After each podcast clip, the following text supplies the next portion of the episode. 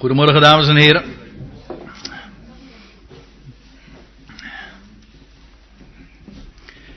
Daar worden we weer wat warmer van. En dan gaan we het woord ook nog openen. En als dan de ervaring is die van de Emmausgangers. En wat lees je daarover? Dat ze naderhand zeggen: Was ons hart niet brandende in ons toen hij ons de schriften opendeed? En toen hadden ze een Bijbelstudie gehad. Lezen we in Lucas 24, als ik dan meteen de brug mag maken. Over van alles in het Oude Testament van die man die hen volkomen onbekend in aanvang. Maar dat hen verteld was over van alles in het Oude Testament. Je leest dat de Heer Jezus dan, uh, wat hij zegt in Lucas 24, hoe staat het er nou precies? Dat hij hen vanuit al de schriften aantoonde, dat wil zeggen vanuit het Oude Testament, wat op hem betrekking had. Nou, daar wil ik vanmorgen ook een voorbeeld van geven. En dat is uit het boek Richteren. Richteren, hoofdstuk 6.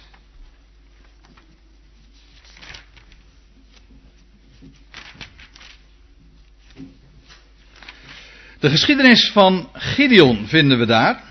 Die gaat trouwens verder in hoofdstuk 7. En het is niet de, de, hele geschiedenis die we met elkaar gaan lezen, natuurlijk, want dat is veel te lang. Maar wel een gedeelte daaruit en wel een tamelijk bekend gedeelte. Bekend is van Gideon dat hij met een legertje van slechts 300 man, die enorme overmacht van vijandige legers, heeft verslagen. Nadat het leger gereduceerd was van 22.000 man tot slechts 300 man. Maar voorafgaand daaraan lees je dat hij van God een teken vraagt. Een teken van dat, van dat schaapsvel. En dat gaan we eens met elkaar lezen. Ik lees vanaf vers 33, Richter 6. En daar staat, geheel Midjan nu en Amalek en de stammen van het oosten hadden zich met elkaar verenigd. Ze waren overgestoken en hadden zich gelegerd in de vlakte van Israël. Toen vervulde de geest des heren Gideon, hij blies op de horen en de Abiezerieten werden opgeroepen om hem te volgen. Ook stond hij boden uit door geheel Manasse en ook dat werd op, opgeroepen om hem te volgen. Ook zond hij boden uit door Aser, Sebulon en Naphtali. En deze trokken op om zich bij hem, om bij hen aan te sluiten. Toen zeide Gideon tot God, indien gij door mijn hand Israël wilt verlossen, zoals gij gezegd hebt, zie ik leg een vlies wol op de dorsvloer. Wanneer er alleen op het vlies dauw zal zijn, maar het gehele land droog blijft, dan zal ik weten dat gij door mijn hand Israël verlossen wilt, zoals gij gezegd hebt. En zo geschiedde het. De volgende morgen stond hij vroeg op, wrong het vlies uit en perste dauw uit het vlies, een schaal vol water. Toen zei de Gideon tot God, uw toorn ontbrandde niet tegen mij, mogen ik nog slechts ditmaal spreken. Laat mij nog eenmaal met het vlies een proef nemen. Laat nu alleen het vlies droog blijven, maar op het gehele land zij dauw. En God deed al zo in die nacht. Alleen het vlies was droog, maar op het gehele land was dauw. Tot zover maar eens even. Ja, eigenaardige geschiedenis.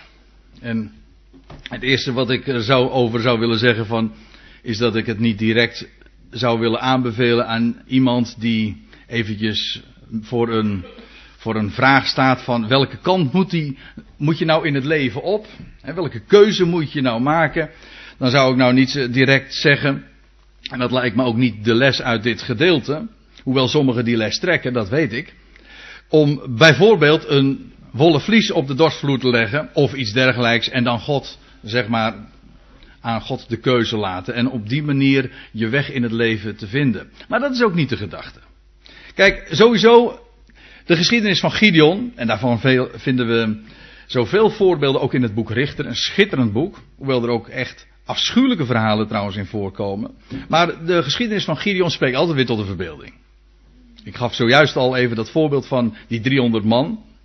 Waarmee, waarmee hij een uh, geweldige overwinning behaalt. Op een hele wonderlijke manier trouwens. Want daar kwam geen zwaard of zo aan te pas. Alleen maar fakkels en kruiken. Ja, dat is ook, dat is, ook prachtig natuurlijk. Maar de hele geschiedenis en van Gideon, maar dat geldt ook voor de navolgende hoofdstukken van Jefta. Wat dacht u van de figuur van Simson? Dat zijn prachtige geschiedenissen, schitterende verhalen. Ze spreken tot de verbeelding. Het is, het allermooiste is natuurlijk nog, het is echt gebeurd zoals er ook vermeld staat. Het zijn maar geen verhalen, het zijn geschiedenissen. Maar het is nog veel meer dan dat. Kijk, wanneer je het alleen maar oppervlakkig beschouwt, dan zou je natuurlijk dit kunnen, kunnen lezen en inderdaad als, als geschiedenis kunnen opvatten. En dat, en dat is het ook, dat is zoals gezegd. En je kunt allerlei details dan bekijken en hoe het dan precies in zijn werk is gegaan. Je kunt eventueel ook allerlei praktische lessen eruit trekken. Allemaal tot je dienst. Maar wat het allemaal zo heel bijzonder maakt, dat is dat we in deze geschiedenissen een plaatje te zien krijgen van de Heer Jezus Christus. Ik, ik, denk wel eens een keertje, het is net als met een bankbiljet. Hè? Als je een bankbiljet leest, dan, ja, dan zie je lettertjes, zie je cijfertjes, zie je kleuren, zie je tekeningen. Maar je ziet nog veel meer als je iets anders gaat doen en hem tegen het licht gaat houden. Dan zie je een watermerk. Dat, dat, dat ligt niet op de oppervlakte. Nee, dat zit in dat papier. Hoe dat in zijn werk gaat, dat weet ik niet. Maar in ieder geval, dan pas als je tegen het licht houdt, dan zie je een watermerk in dat bankbiljet verschijnen. Nou, dat is met de schrift ook zo. Als je de, de geschiedenissen van het Oude Testament leest, dan zie je van alles en nog wat. Maar dat is de oppervlakte. Op het moment dat je het tegen het licht houdt, dat wil zeggen tegen het licht van het evangelie, tegen het licht van het Nieuwe Testament, of zal ik het nog anders zeggen, tegen het morgenlicht dat ooit aan de dag trad toen hij het graf leeg achterliet, als je het tegen dat licht houdt, dan zie je in al die geschiedenissen van het Oude Testament, elke bladzijde, vanaf Genesis 1 tot Malachi 4, zie je een watermerk oplichten. Geweldig. Dat heeft geen mens verzonnen natuurlijk. En wat is dat watermerk? Of beter gezegd, wie is dat watermerk? Dat kan niet missen. Dat is de Heer Jezus Christus. En echt waar. Dat zie je verschijnen op het moment wanneer je die geschiedenissen tegen het licht houdt. En dat maakt het zo bijzonder. En bovendien, dat verklaart de geschiedenissen ook dikwijls. Er zijn een heleboel van die eigenaardige dingen die je, waar je op stuit wanneer je geschiedenissen leest in, in, in Richteren. Maar niet alleen Richteren in het hele Oude Testament. Maar dat geldt ook voor allerlei bepalingen in de wetgeving. Allerlei rituelen die worden voorgeschreven. Die duister zijn. Heel vreemd. Hoe verzin je het, denk je dan? Ja, totdat je het inderdaad tegen het licht houdt. Dan ineens, als je dat watermerk, als ik dat beeld even mag vasthouden, als je dat watermerk ziet, dan ineens begrijp je waarom het zo gegaan is, waarom het zo beschreven wordt. Het geeft, het is het sluitstuk van het Oude Testament. Dat wil zeggen, in het Nieuwe Testament wordt het Oude verklaard. Het is een, een, eh, een oud gezegde, maar het is volkomen waar. Zonder het Nieuwe Testament eh, zul je niet begrijpen waar het in het Oude Testament ten diepste om gaat. Nou, om nou eventjes bij deze geschiedenis ons te bepalen, die al veel eerder begonnen was, want we lezen in het begin van het boek eh, van dit hoofdstuk, dat Gideon geroepen wordt nadat de, het probleem beschreven wordt, namelijk Israël was weer eens afgeweken van de weg van God. Dat is eigenlijk een soort refrein in het boek Richteren. En ieder deed wat goed was in eigen ogen. En ze verlieten de heren. En dan lees je dat de heren iedere keer weer opnieuw het volk overgaf aan vijandige mogendheden die hen dan afschuwelijk verdrukten. Dat was ook hier het geval. En dat wordt in de eerste verse van Richter 6 beschreven. Maar dan lees je vervolgens dat daar een jonge man was met de naam Gideon die daar bij de, eikenboom van Mo, uh, van Ofra, zo moet ik het zeggen. Ja, ik had een andere eikenboom nog in gedachten, want je vindt ze zo vaak in de Bijbel. De eikenboom van Mamre en de eikenboom van More. En uh, zo kan ik nog wel even doorgaan. Terebinten lees je dan in de, in de MBG-vertaling. Maar een terebint is niks anders dan een eikenboom. Ja, waarom dan weer een eikenboom? Dus kun je je natuurlijk vragen. Dat is weer een heel hoofdstuk apart. Kan ik u echt verklappen. Ik heb er ooit eens een keertje een Bijbelstudie over gegeven. En je, het zal je gedacht zijn hoe enorm veel daarin ligt opgesloten. Ik kan er wel één, één ding even over zeggen. En dat is dat een eikenboom in de Bijbel altijd te maken heeft met Gods trouw.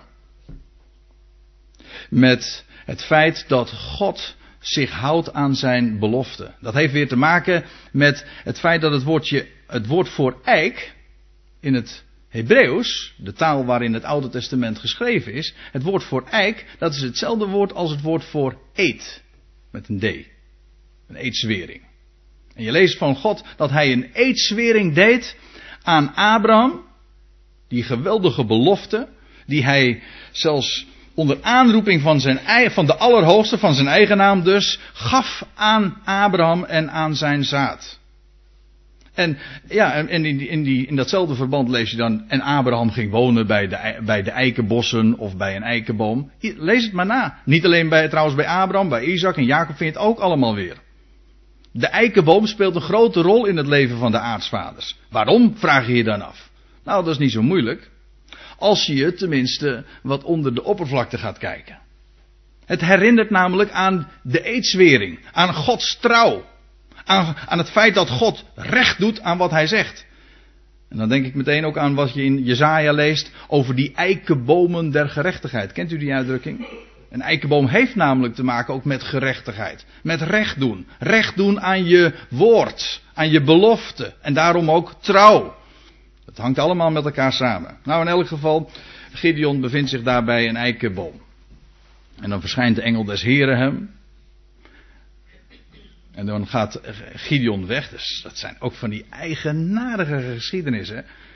Ik, ik weet niet in hoeverre het u allemaal eh, voor de geest staat. Maar ik wil u wel een beetje helpen hoor. Maar dan gaat eh, Gideon eh, weg. Dat wil zeggen, die, die, die, de engel des heren die hem dan roept. Die blijft daar dan bij die rots, bij die eikenboom. En dan lees je dat, dat hij een een stuk kleinvee moest slachten en dat moest bereiden met ongezuurde broden. Ja, en dan doet Gideon dat en komt weer terug. En hij geeft dat aan en hij legt dat daar op de rots. En die engel des Heren, die met het uiteinde van zijn staf raakt dan dat uh, geslachte, dat vlees aan. En dan gaat dat in ene keer in rook op. Vuur stijgt op uit, het, uit de rots. En de engel des Heren verdwijnt meteen uit het gezicht. En terwijl ik het vertel, zie ik de verbazing op uw gezichten. En zeg van, wat is dat voor een wonderlijk verhaal? Dat is ook een wonderlijk verhaal. En Gideon is daarmee uiteraard meteen bevestigd in het feit dat hij werkelijk door God geroepen is. Hoewel de twijfel is blijven hangen, blijkens deze geschiedenis, toch wel. Maar het was toch wel een heel duidelijk teken van Gods wegen. Maar ook hierbij wil ik weer zeggen, en dat, dat sluit aan bij waar, waar ik zojuist al mee begon, en dat is het punt dat deze, zulke wonderlijke geschiedenissen pas betekenis gaan krijgen wanneer je het licht, heb je het weer, het licht van het Nieuwe Testament erop laat schijnen. Tegen dat licht gaat houden, want dan ineens zie je dat watermerk weer verschijnen. Hoezo? Nou, om, dan, want dan, als, ik, als ik de helft vertel, dan moet ik natuurlijk uh, het even compleet maken. Want, kijk, hij moest een stuk kleinvee slachten en bereiden, tezamen met ongezuurde broden. Maar wat denkt u aan bij ongezuurde broden? En als er iets geslacht wordt? Aan het paasgaan natuurlijk. En daar herinnert het ook aan. Want een, de, de Israëlieten die moesten eens per jaar een week lang ongezuurde broden eten. En in, in die week viel ook het paascha. Dan moest er een paaslam geslacht worden. Maar wanneer heeft dat zijn uiteindelijke vervulling gevonden? Dat weten we toch? De apostel Paulus die zegt niet voor niks in 1 Korinthe 15. Ook in 1 Korinthe 5, pardon. Ook ons paascha is geslacht. Dubbele punt. Christus. En sterker nog, het is precies gebeurd op de dag dat het paaslam altijd geslacht moest worden, namelijk de 14e Nisan. Exact heeft dat zo zijn vervulling gevonden. Op het uur zelfs nog nauwkeurig. Toen is het paascha geslacht. Maar vervolgens, ja, wat er dan gebeurt, is dat dat paaslam weliswaar geslacht is, maar vervolgens stijgt het op tot God. Ja, door, die door de aanraking van de staf. Dat is een beeld van opstanding. Het stijgt op. Dat paaslam, dat stuk vlees, dat, dat ligt daar op de rots. Maar het, vervolgens stijgt het op. Ja, dan lees je door de aanraking van de staf. Maar we hebben het er hier toch wel eens een keertje eerder over gehad. Dat een staf in de Bijbel ook altijd spreekt van. Ja, ik zou het haast uitbeelden. Van opstanding. Door een staf sta je op en blijf je staande. Toch? En anders zou je dat nog eens na kunnen vragen hoe dat precies zit met aan Aaron. Die zijn staf ook lag, neerlegde in, de, in het heiligdom. En wat gebeurde er met die staf? Er kwam bloesem voor uit voort. Leven, zelfs vrucht. Uw stok en uw staf die vertroosten mij. Staat er in de Psalm 23. Waarom? Waarom vertroost die stok en die staf? Hoe staat het er precies? Al ga ik door een dal van schaduwen des doods. Ik vrees geen kwaad. Uw stok en uw staf die vertroosten mij. Nou, als, nou, als je door een dal van schaduw des doods gaat. En als je het nou eventjes heel breed neemt. Dan kun je zeggen dat wij mensen allemaal door een, schaduw, door een dal van schaduw van dood gaan. We gaan door een, door een dal. En bovendien, de dood werpt altijd zijn schaduw alweer vooruit. Overal gaat de schaduw van de dood. Nou, we hebben het vanmorgen alweer gehoord.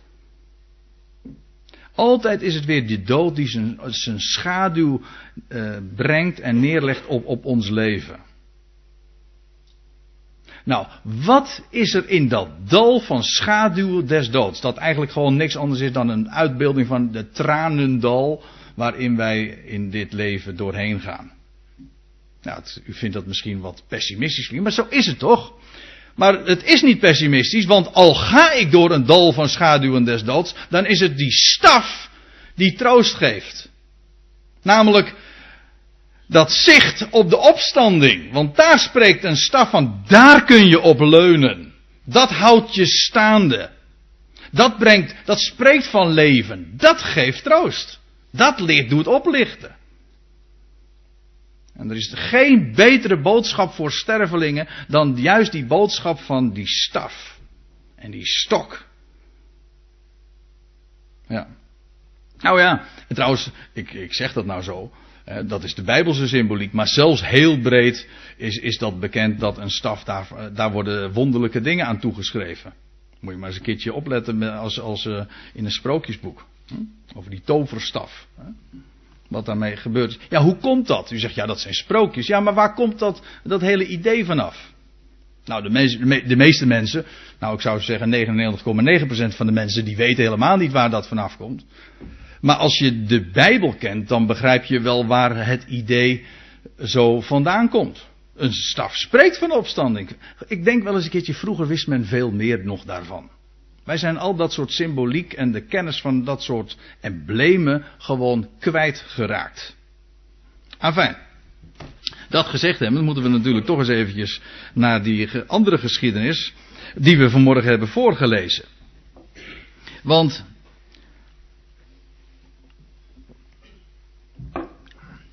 dan lees je dat. Goed. Gideon die, eh, ik lees vanaf vers 36. Toen zei de Gideon tot God, indien gij door mijn hand Israël wilt verlossen, zoals gij gezegd hebt, in principe zou je kunnen zeggen, dat is dat toch genoeg. Maar, Gideon, die wil daarin bevestigd worden. En dan zegt Gideon dit. Zie, ik leg een vlieswol, gewoon een schaapsvel is dat. Een vlieswol op de dorsvloer. Wanneer er alleen op het vlies dauw zal zijn, maar het gehele land droog blijft, dan zal ik weten dat gij door mijn hand Israël verlossen wilt. Kortom, hier wordt een bevestiging gevraagd van iets wat God al gezegd had. Een teken, hoe wordt nou de verlosser van Israël demonstratief aangewezen? Ik hoop dat u ook in deze formulering een beetje begrijpt, of duidelijk wordt, dat ik dubbelzinnige taal al spreek. Hè?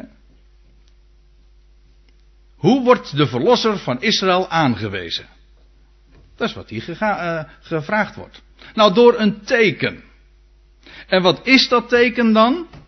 En wat Gideon allemaal van de diepere betekenis geweten heeft, dat weet ik niet, daar heb ik geen idee van. Het maakt, me ook, het maakt ook geen verschil. Wij weten het. Dat wil zeggen, wij zouden het behoren te weten. En als we dat niet weten, goed, daar, daarvoor zijn we vanmorgen tenslotte bij elkaar. Hè, om de schriften te openen. Hè, om die dingen tegen het licht te houden. Want kijk, wat, is er, wat er gebeurd is. Hij zegt, ik leg een vlieswol. Eventjes daar nou even, even pauzeren. Even stoppen. Wat, wat, wat zou dat willen zeggen? Een schaapsvel. Dus eh, uiteraard, zou ik haast zeggen. Ja, op bepaalde dingen worden vanzelfsprekend als je gewend bent en ze tegen het licht te houden. Dan ga je op een gegeven moment zeggen, uiteraard spreekt een schaapsvel van een lam of een schaap dat geslacht is. Bij een wollen vlies, bij een schaapsvel, denk ik aan een dier, ja, aan een, aan een schaap, aan een lam, dat geslacht is. Nou, hou die even vast. Daar hadden we trouwens al eerder even over.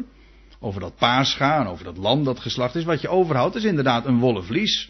Een schaapsvel. Nou zegt Gideon, dat wollen vlies, dat leg ik op de dorsvloer. Oei. Daar zou je zomaar ook in kunnen gaan verdwalen hoor. Want jongen, jongen, dat is ook zoiets. Dorsvloeren kom je heel vaak tegen in de Bijbel. Ook weer met een hele eigenaardige rol speelt dat. Iedere keer weer opnieuw. Dat op een gegeven ogenblik ga je daarover struikelen. Maar laat ik dan eens eventjes de bekendste dorsvloer in de Bijbel noemen. En dan, denk, dan, dan zwijgen we nog eventjes over die dorsvloer waar ooit die romantische uh, ontmoeting plaatsvond van Boas en Rut. Dat was ook een hele mooie. Maar daar zwijgen we nog even over. De bekendste dorsvloer vinden we eh, in Samuel, in Koning, Kronieken wordt het uh, verschillende keren trouwens beschreven. Dat is een dorsvloer in Jeruzalem. Sterker nog, Jeruzalem, Sion, ontleent helemaal zijn betekenis aan een dorsvloer. Wist u dat? Nee? Nou, dat zal ik eens vertellen. Heel... Er was namelijk zo dat ooit, de, de aanleiding zal ik, u, uh, zal ik nu maar eventjes niet noemen, maar David kocht een dorsvloer van een Arauna. En hij maakte die dorsvloer tot een altaar. U kunt dat lezen in, ik geloof 2 Samuel, wat is het? 2 Samuel 24. Hij kocht een dorsvloer van Arauna en hij maakte dat, dat, uh, die dorsvloer tot een altaar. En een generatie later, zijn zoon Salomo maakt die dorsvloer vervolgens tot de plaats waar de tempel gebouwd wordt. Dat kunt u ook lezen. Het staat er allemaal gewoon bij vermeld. De tempel wordt gebouwd op dat altaar wat zijn vader David had gemaakt. Maar het was oorspronkelijk gewoon een dorsvloer. En waarom is Jeruzalem nou de stad geworden? Die het is geworden. En waarom heeft die stad zo'n enorme betekenis gekregen? Nou, uiteindelijk gewoon omdat dat de plaats is waar de tempel gebouwd wordt. Dat is Sion. Sion ontleent zijn betekenis, als je het nou even helemaal gewoon teruggaat naar het begin. Sion ontleent zijn betekenis aan de dorsvloer. Want daar is de tempel gebouwd. Daar is het huis des Heren. Daar zou God zijn naam doen wonen. Maar dat is op een dorsvloer. En u, u, nou, ga even met me mee. even, even actief worden. In Micha 4.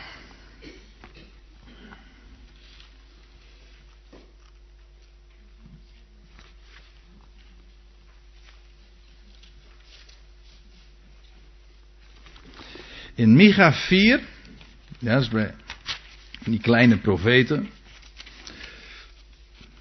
Micha 5 is wat bekender. Gij, Bethlehem, Efrata, al zijt gij klein, onder de duizenden. Maar dat is Micha 5. Maar vlak voor, daaraan voorafgaand vinden we een aantal versen. Waar ook zo over die dorsvloer gesproken wordt. En waar